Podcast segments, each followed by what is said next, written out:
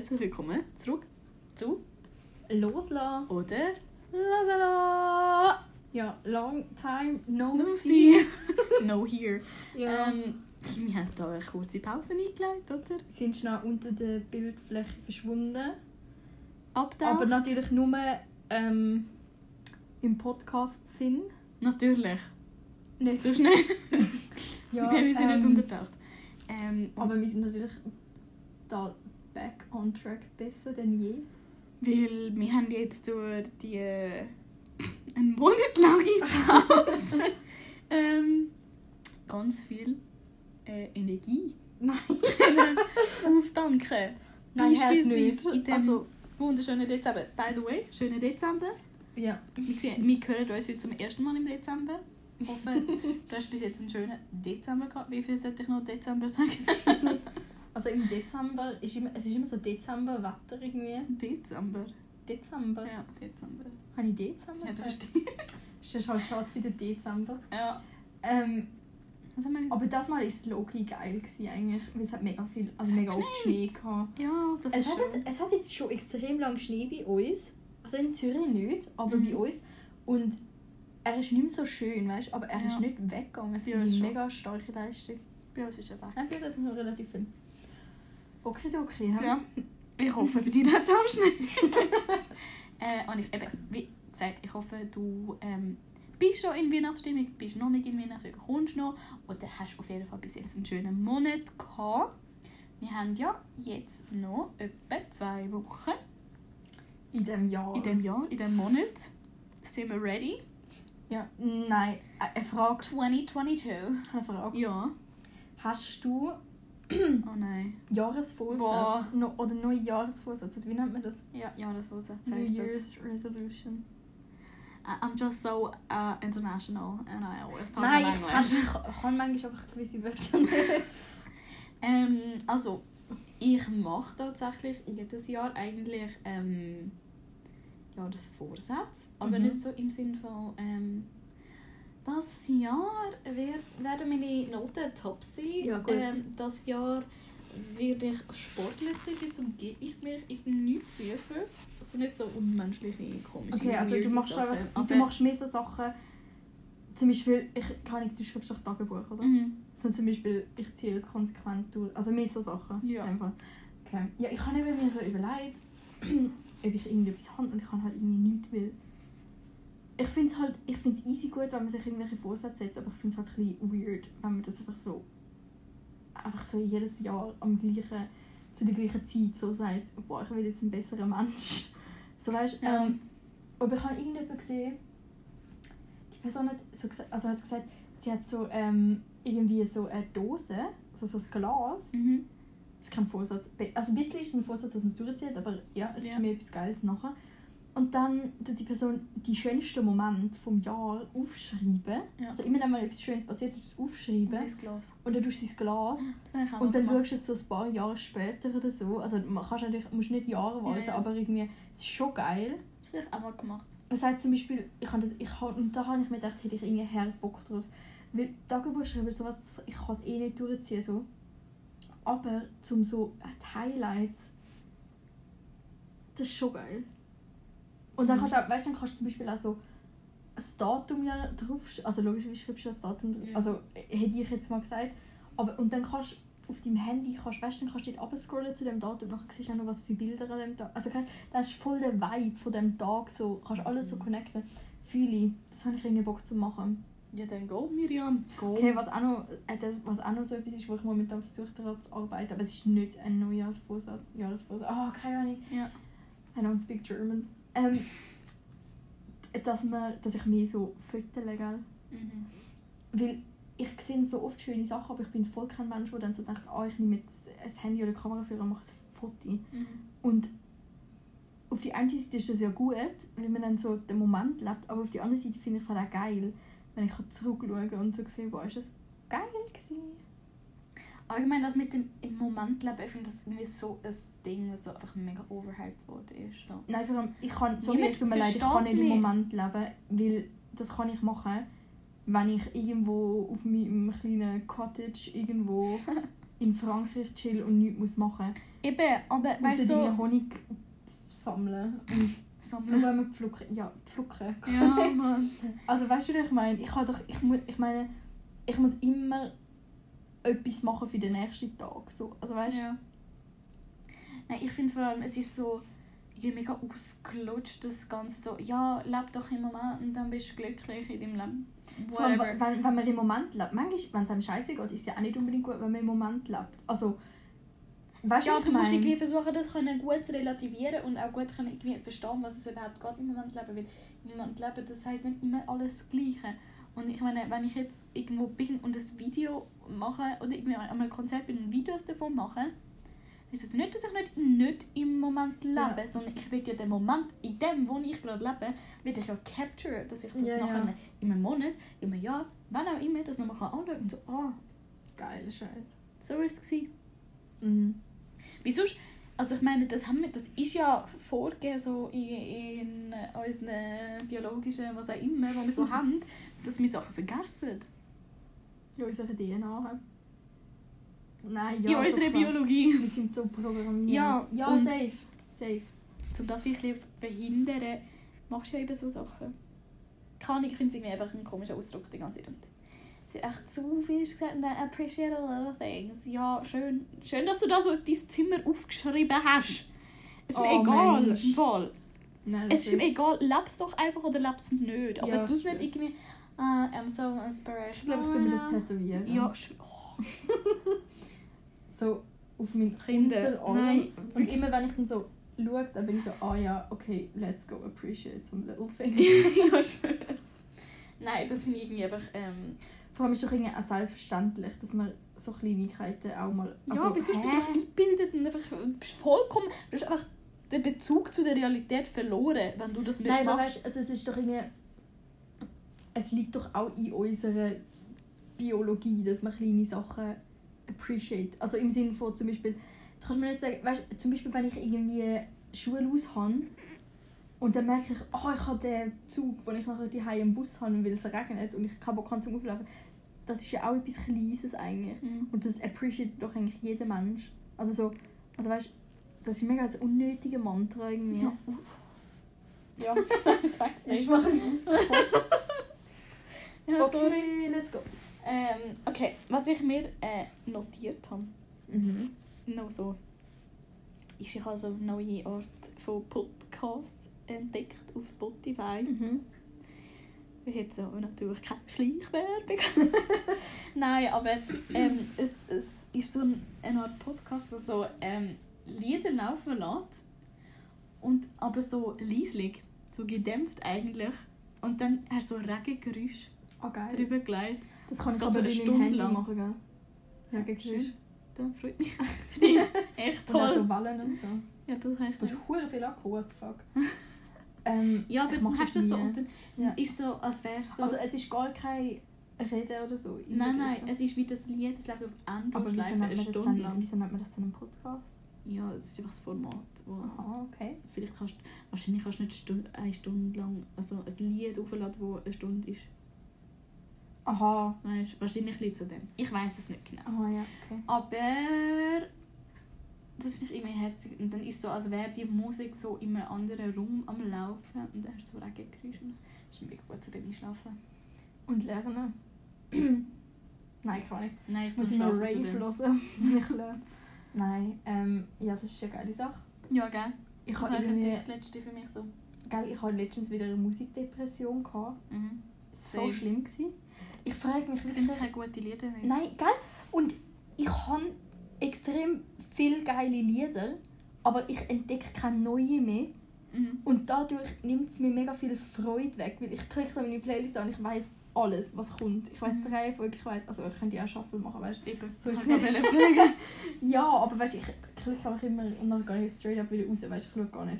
Aber ich weiß einfach ich, alles dann und ich vermisse das Gefühl von so einem Song, wo man so zum ersten Mal lost und wo einem einfach so hittet.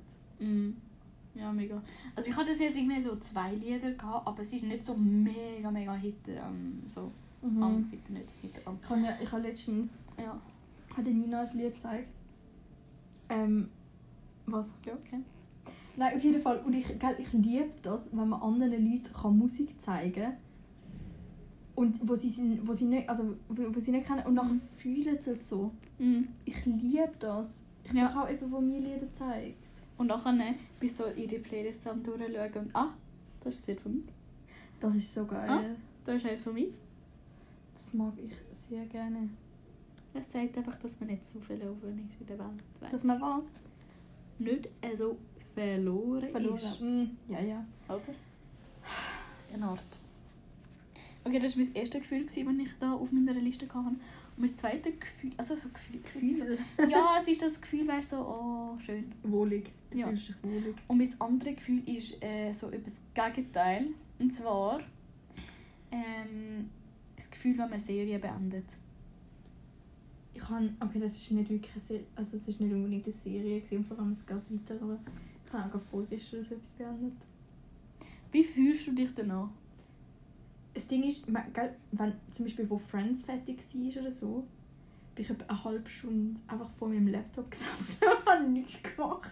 Es Ich ist so... war so, gewesen, okay, also ist jetzt unsere Freundschaft beendet. Also, weißt du, ich habe voll die, also nicht bei allen Serien logischerweise, aber dort habe ich voll die emotionale Verbindung gehabt. Also die einen Leute habe ich so gehasst Mhm. und die anderen Leute habe ich so nice gefunden einfach. Mhm.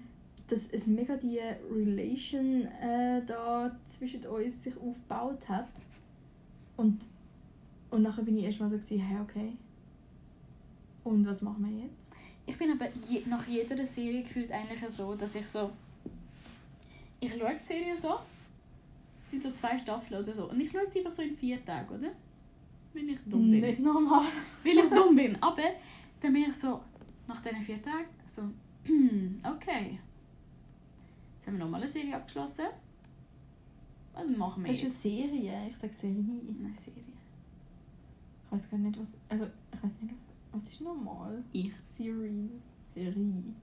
Serie. Ich sage Serie, sage ich bei Mehrzahl halt. Dann sagst Die du einfach Serie. immer.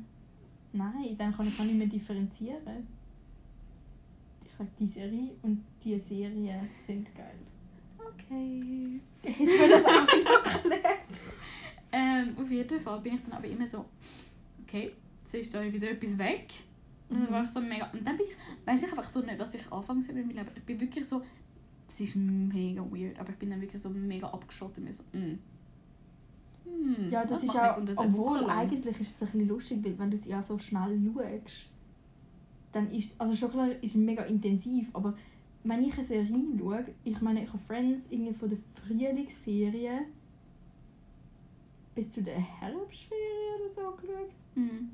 Weil es hat, ja, wie viele Staffeln hat es? Zehn.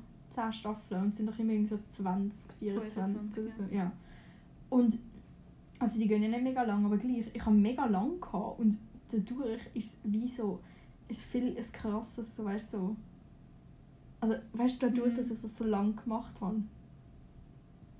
Und ich weiß aber nicht, was das ist, was das auslöst. So, irgendwie, dass wir einfach so lost sind und das Gefühl haben, wir müssen uns da mit irgendwelchen fiktionalen Charakteren verbinden. Ja, das Ding ist, ich meine, Wir hocken einfach stundenlang vor einem Bildschirm und haben das Gefühl, es ist irgendwie ja, cool. okay, über das, das ist, das ist eigentlich eh ein ganz schwieriges Thema. Also Und dann haben wir das Gefühl so, hey, was mache ich jetzt mit meinem Leben, wenn die mir fehlen? Also, Ich glaube, einfach, ah, das ist einfach glaub, wegen, bei dir, ich glaube, das ist einfach wirklich wegen dem, weil du, wenn du es ja so lang, also so schnell schaust, so lange am Stück, dann in hast dem du die Moment, ganze Zeit das Gleiche gemacht und ja, weisst nicht mehr, du hast ja wie dein Leben ausblendet, oder? Wahrscheinlich ist das bei immer eigentlich, oder? Ja, aber wenn ich ja einfach so sage, aha, ja, ich schaue jetzt schnell eine Folge ähm, und nachher mache ich das und das oder Mhm. nachher gehe ich dort und dort an, dann, dann ist der Moment, von, dass ich abtauche, ja viel kürzer, Mhm. oder? Und dann ist mein Leben ja viel präsenter noch. Aber wenn du in zwei Stunden am Stück dich einfach nur noch mit so mit so äh, mit dem Leben von irgendwelchen fiktiven Charakteren auseinandersetzt, dann ist dein Leben weg. Also nein, nein, nicht so, aber dann ist du Schön. denkst dann nicht darüber nach, aha, mhm, morgen habe ich Schule, aha, okay. Ke- Also weißt du, wie ich meine? Deine eigenen Konflikte und so geraten dann, außer du, außer du etwas triggert, so deine eigenen Sa- also weißt Ja. also es regt, ich meine, wenn man eine Serie schaut, regt es ja auch mega oft irgendetwas an oder so. Mhm. Also so. Aber ich glaube, es liegt an dem, dass du so aus dem Leben rausgerissen wirst und dann wie- wieder so ausgespuckt. So. Wahrscheinlich, ja. ja. Und dann bist du so mega Ja, komisch. ja, dann fühlst du dich so, okay, well, mm, also so leer. Ja, Weil du hast gar keine eigenen Gedanken und die Gedanken von der Serie haben auch wie aufgehört. ja. Boah, wir sind so die, einfach die Analyse. Das ist so krass. Irgendwie. Mhm. Aber bist du so ein... Du kannst du eine Folge schauen? Ja, Wirklich? Ja. Ich bin nie ich mache das so oft. Ich bin so, okay, eine Folge, nachher bin ich fertig, nachher kann ich das machen. Boah, ich bin so neidisch. Also, Wünschte, wenn, das. wenn Folgen über 40 Minuten gehen, dann schaue ich es nie am Stück. Nicht? Also, mal raus, ich mache so, also, wenn, wenn ich irgendwie so, am also, weißt du, entweder ich schaue halt Netflix am Abend Mhm. oder halt mal so am Sonntagmorgen oder so, oder Mhm. Nachmittag oder so, wenn ich mal, wenn ich mal sage, ich gönne mir jetzt mal einen Lazy Sunday, oder? Ähm, und dann natürlich schon, weißt du. Ja. Aber so grundsätzlich, wenn ich jetzt nicht vorhabe, wirklich mich aktiv auf Serien schauen, einlasse, dann schaue ich eigentlich, wenn es über 40 Minuten geht, safe nicht die ganze. Ist- Manchmal ist es mega mühsam, weil ich muss immer wieder zuerst so meinen Kopf so rein tun. Nein, ich habe ein mega das Problem, dass es einfach immer weiterläuft. Weißt du? Ja, Also, also... ich sage mir so, ja, ich schaue eine Folge. Und dann sind es zwei. Dann sind es drei. Dann musst du aber eher nicht Erfolg als Ziel nehmen zum Ende, sondern Zeit. Dass du sagst, aha, am 3 höre ich auf. Oder Mhm. am halben oder am Viertel vor oder so. Mhm. Und dann spielt es halt keine Rolle, wo du jetzt gerade bist. Das Ding ist, ich habe auch das Problem mit Serien, die ich schon 3000 Mal geschaut habe. Also so Friends, gell, das habe ich schon so viel geschaut. Ich weiß jedes Mal, was passiert, ich weiß so auswendig. Aber gleich bin ich so, ja, komm nachher noch eine. Und nochmal eine. Weil es ist gerade so, es ist gerade so spannend. halt- ich finde einfach, Friends ist so ein Comfort-Ding. also weißt du so? Es gibt Mhm. mir Comfort und es ist halt so ein... Es ist halt einfach ein Vibe. Also weißt du so... Und kein, ich, manchmal wünschte ich mir so, ich würde in Friends leben und hätte so halt die Friends. weißt du so... Wortspiel. Ähm, ja, keine Ahnung, weil ich finde, sie hat halt schon alle mega die krassen Freundschaften, so weißt Mhm. Und ich will, also ist es traurig, keine Ahnung, ich habe jetzt nicht so die Freundschaften in meinem Leben. Ich meine, ich chill schon viel mit den einen Leuten, aber ich meine, nicht so also und weißt man- das ist ja auch wieder etwas Unrealistisches, weil ich meine, im, im echten Leben erlebt man ja nicht so, also man kann wie fast gar nicht so viel so crazy Stuff erleben, oder? Also mal, es geht schon, aber nicht jetzt mit meinem Lifestyle, so weißt du. Ja, aber niemand die- hat den Lifestyle, den die haben. Das ist ja auch ein fiktiver Ja, ja, Lifestyle. safe. Aber weißt du, ich meine, es gibt gleich Leute, die extrem viel mit irgendwelchen Leuten so unternehmen und erleben und so, weißt Ja, schon. Aber sie haben wie, es, es ist in, zum Beispiel das, dort kann ich ja nicht relaten, weißt du. Ich kann mega viele Sachen relaten, aber zum Beispiel ich bin einfach ein Mensch, da kommen wir aufs eigentliche Thema, wo wir mal haben wollen machen. Nein, ähm, manchmal ist meine soziale Batterie einfach leer, gell? Mhm. Und ich, ich kann einfach nicht jetzt irgendwo hingehen und irgendetwas crazy cooles erleben. Oder ich kann auch nur schon nicht Leute sehen. Also weißt du, so, Mhm. es ist wie einfach zu viel. Und ich meine, das, kommt, das haben die halt nie. Und das kann ich, das ziehe ich mir so rein und bin so, ah, das wäre so schön. Ja. Ich glaube, es ist einfach so ein unwirkliches Ding, das da gezeigt wird Ja. und verherrlicht wird und roman romantisiert Ja. wird. Ähm, Sie haben wo ja halt einfach wirklich nicht wahr ist, weil ich meine, logisch, du bist socially exhausted im Fall. Das, also das passiert allen. Mhm. Irgendwann an einem gewissen Punkt, bei der einen geht es länger, bei der anderen geht es kürzer, Mhm. aber irgendwann passiert es halt. Und dann brauchst du so ein bisschen Zeit für dich selber, um wieder auftanken, irgendwie, dass, dass die Batterie wieder geladen wird, oder? Ja, es ist so cringe auf Deutsch. oh. Ja, aber auf Englisch weiß ich auch nicht besser. Ja, vor allem, wenn man ja jetzt da nicht alle Nein. zwei Sekunden wieder Englisch einwerfen. Ja, ja, Miriam. Ich probiere es im Fall. Also, ja. Nein, aber keine. Ich glaube, sie, müssen sich, es müssen sich für alle Menschen mehr Zeit für sich selber nehmen. Ich habe manchmal das Gefühl, dass Leute, die so das Gefühl haben, sie sind so Social Butterflies, die haben dann so das Gefühl, ja, kann ich, ich kann Stunden, nein, nicht, Wochen, so zum Extremen sein, Mhm. wochenlang mit Leuten irgendetwas machen. Ja.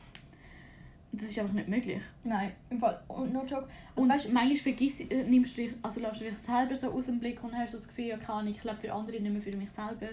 Also du denkst dir das wie nicht, mehr, du, du, du lebst nicht mehr im Moment. Schade.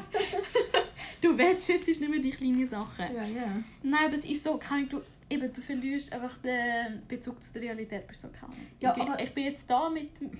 Dir vor, du gehst reisen und bist so jeden Tag irgendwelche mega grosse Sachen, also riesige Sachen hast geplant. Das schaffst du nicht. Mm, Das Ding ist, ich an einem Punkt Gefühl, bist du einfach so fertig. ja, so Leute, die aber auch so übersozial sind, die. Also, also es gibt Leute, deren ihre Batterie läuft literally nie aus, aber dann, wenn sie dann mal münd allein sind, weil es einfach nicht anders geht, dann hittet Reality so Mm. richtig krass, weil du bist dir dann einfach so null gewöhnt, gell? Ich kenne so, also das ist jetzt ein auf ein anderes Thema bezogen, aber ich kenne so viele Leute, die zum Beispiel so, sie müssen immer in einer Beziehung sein, sie können nicht allein sein und wenn sie wie merken, «Mm, die Beziehung, wo ich jetzt gerade bin, äh, vielleicht man sieht sich nicht mehr so oft, es gibt mir jetzt nicht mehr genau das, was am Anfang war, die suchen sich schon die nächste Person. Aber die, also weißt du, so, das ist so crazy. Du bist mit dem Gedanken immer so am abchecken, dass du einfach morgen jemanden hast und dass du übermorgen jemanden hast. Allein ist einfach schlimm. Das ist crazy. Get over yourself. Ja, es ist wirklich Ah. nicht, es ist nicht schlimm, dass du alleine bist. Nein, ich bin so gerne manchmal allein und es hilft einem so viel. Und ich meine, Ja, und nimm dir Zeit für dich selber. Jetzt vor allem im Dezember, im Dezember, wo man sollte besinnlich sein und so. Man sollte besinnlich sein. Ja, Man mehr. sollte besinnt sein und Zeit ist besinnlich. Schön. Aber weißt du, nimm Zeit für dich selber. Schenk dir selber etwas auf Weihnachten. Und überleg einfach mal, also weißt, ich, ha- wenn, wenn ich mit Leuten bin, dann kann ich nicht gleich gut über irgendwelche Situationen oder über irgendwie mein Verhalten reflektieren, wie wenn ich einfach mal allein bin und einfach mal ein bisschen Abstand habe und das über sich selber reflektieren, das ist so das A und O. Leute, die das nicht machen, Ja, machen es jetzt. ich schwöre.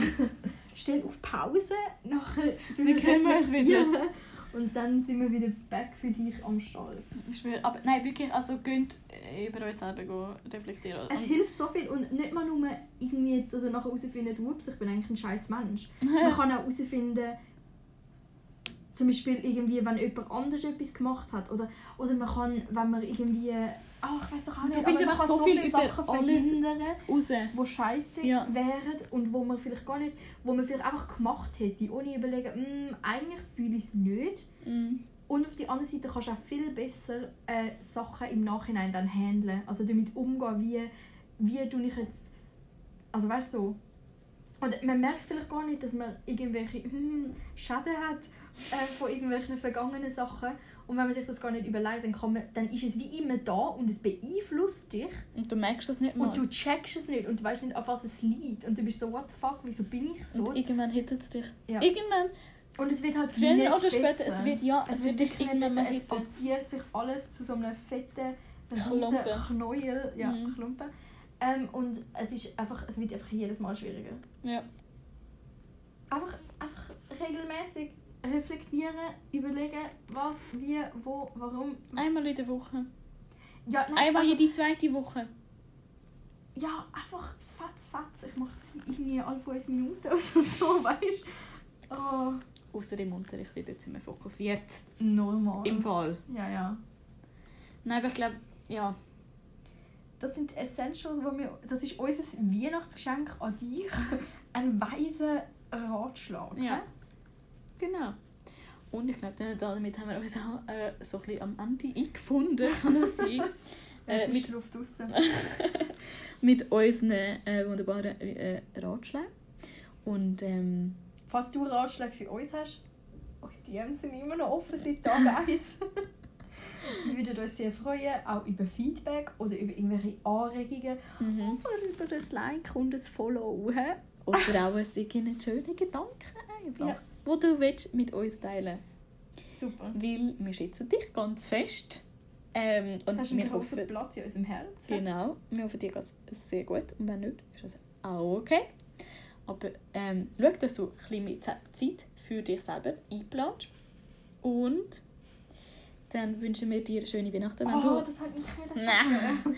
falls du Weihnachten feierst. Und?